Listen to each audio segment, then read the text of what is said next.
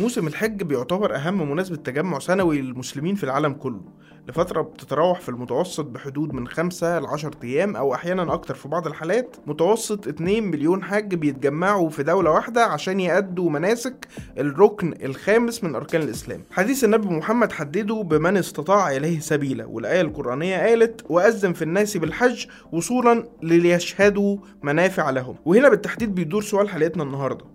تكاليف الحج الواحد والربح اللي ممكن يكون بيدخل للسعودية من خلال موسم الحج. أنا محمد شوشة ومعايا سالي حسام في حلقة جديدة من بودكاست سين جيم في دقائق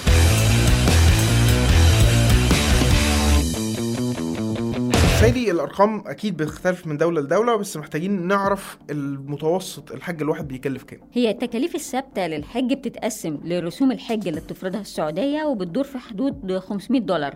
وفي رسوم الهدي اللي هي الأضحية اللي بيذبحها الحاج وجوبا وبتدور في حدود 150 دولار. وفي ضريبة القيمة المضافة وضريبة البلدية ودي في حدود 500 دولار تانية. لكن دي مش كل المصاريف. حزم الحج بتختلف من دولة للتانية ومن شخص للتاني بحسب يعني تفاصيل كتير. جوه السعودية مثلا بتبدأ من 3000 دولار. وفي دول المنطقة بتتراوح من 6000 ل 12000 دولار. وطبعا الباقات بتختلف من دولة للتانية وجوه نفس الدولة حسب مستوى الخدمة. معظم الحزم مصممة بنظام الشامل كليا. يعني يفترض إن مهما كان المكان اللي الحاج جاي منه ما يدفعش مصاريف إلزامية زيادة بعد وصوله لأداء مناسك الحج. طيب دي نقطة مهمة لأن يعني طول السنين اللي فاتت كنا بنسمع مقارنات كتير في نقطة اللي هو اشمعنى الحاج اللي جاي من الدولة الفلانية بيدفع أقل أو أكتر مني؟ معظم الاختلافات في تكلفة الحج عموما بتدور حوالين ثلاث تفاصيل مهمة. أولها البلد اللي جاي منها الحاج يعني في حين إن بعض الدول ممكن تفرض رسوم إضافية لأي سبب ففي دول تانية بتقدم دعم لحزم الحج من الموازنة العامة. ده غير طبعا مصاريف السفر اللي بتختلف حسب المسافة ووسائل التنقل. ثانيا في نوع الخدمة. دي تفاصيل بقى زي مستوى الانتقالات والإقامة وعدد الأيام والوجبات وغيرها. ودي بتزود أو تقلل السعر. يعني كل ما كانت خياراتك هتبقى فخمة أكتر كل ما هتدفع أكتر. وثالثا الجهة أو وكالة السفر اللي بتنظم الرحلة. لأن بعضها بتوفر خدمات أفضل وأغلى من الباقيين. زي مثلا بعض التنقلات الداخلية الإضافية أو تقديم خدمات الاستضافة الكاملة في مخيمات عرفات ومنى. وبالتالي يفترض إن السعودية بيدخل لها فلوس كتير من موسم الحج. الإجابة على السؤال ده صعبة برضه. معنى؟ لأن لو رحنا لحسابات الأرباح والخسائر بشكل اقتصادي بحت إحنا محتاجين نعرف بنود المصاريف والعائدات عشان نعرف نحسب الفرق بينهم. وبالتالي نحدد الربح أو الخسارة. وفي حين إن في تقديرات للعائدات فحسابات المصاريف في الغالب مش معلنة وما بيكونش معروف منها إلا أعمال توسيعات الحرم أو مشروعات النقل أو الإقامة. لكن الإجمالي مش معروف. طيب خلينا نبتدي بالنقط اللي نعرفها. العائدات تقريبا بتكون كام؟ بحسب أرقام ما قبل كورونا فإيرادات موسم الحج في 2017 مثلا كانت بتقدرها الغرفة التجارية والصناعية بمكة المكرمة ما بين 20 ل 26 مليار ريال.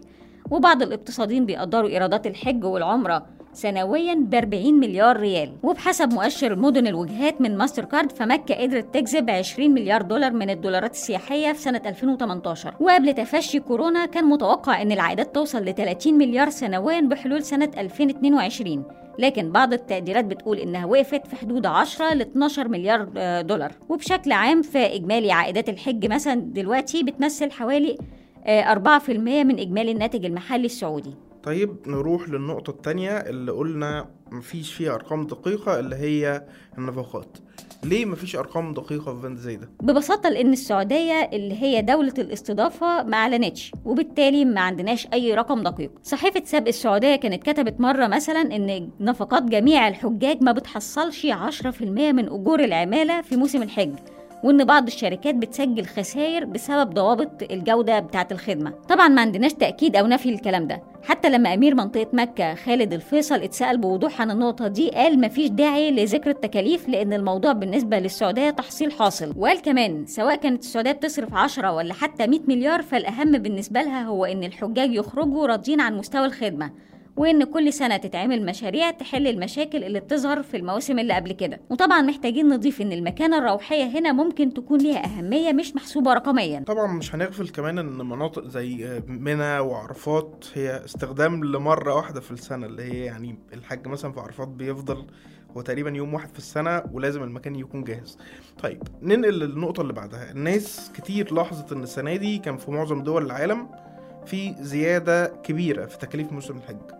هل الموضوع ده ليه حساب مثلا إن السعودية بتحاول تع- تعدل المؤشرات أو تزود ال- العائدات ولا ليه تفسير تاني؟ دي نقطة ليها أكتر من تفصيلة. يعني أهمها اللي أشار ليها الأستاذ المشارك في كلية لندن للاقتصاد ستيفن هيرتوج واللي أشار لمعضلة إن جهة الإنفاق في الغالب مش هي الجهة اللي بتتلقى العائد. يعني في حين مصاريف موسم الحج بتيجي في معظمها من خزينة الدولة فالإيرادات بتروح في الغالب للقطاع الخاص. وبيقول إن الحج بيستنزف الموارد المالية للحكومة بسبب التكلفة بتاعة البنية التحتية والصيانة والأمن لكنه بيحقق أرباح كبيرة للقطاع الخاص. بس هو يعني حتى لو دخل القطاع الخاص فهو في الآخر دخل اقتصاد الدولة. وبعض المحللين فعلا بيقولوا إن حتى الجزء اللي بيروح للقطاع الخاص بيخلق عشرات الألاف من الوظائف وبيمر بالقنوات المصرفية فكده كده بيزود الاحتياطي النقدي للبنك المركزي السعودي. كمان في محللين بيحطوا عامل مهم في الحسبان إن الحج هيفضل واحد من القطاعات النادرة اللي لا يمكن يظهر لها منافس. النفط مثلا اللي هو حاليا أهم مصادر الدخل بتاع السعودية في منافسين كتير. نفس الأمر بينطبق على أي بند تاني. ما عدا الحج في الحاضر والمستقبل مفيش مجال للمنافسة. فهيفضل مصدر تهديده الوحيد هو تقلص التدين عالميا.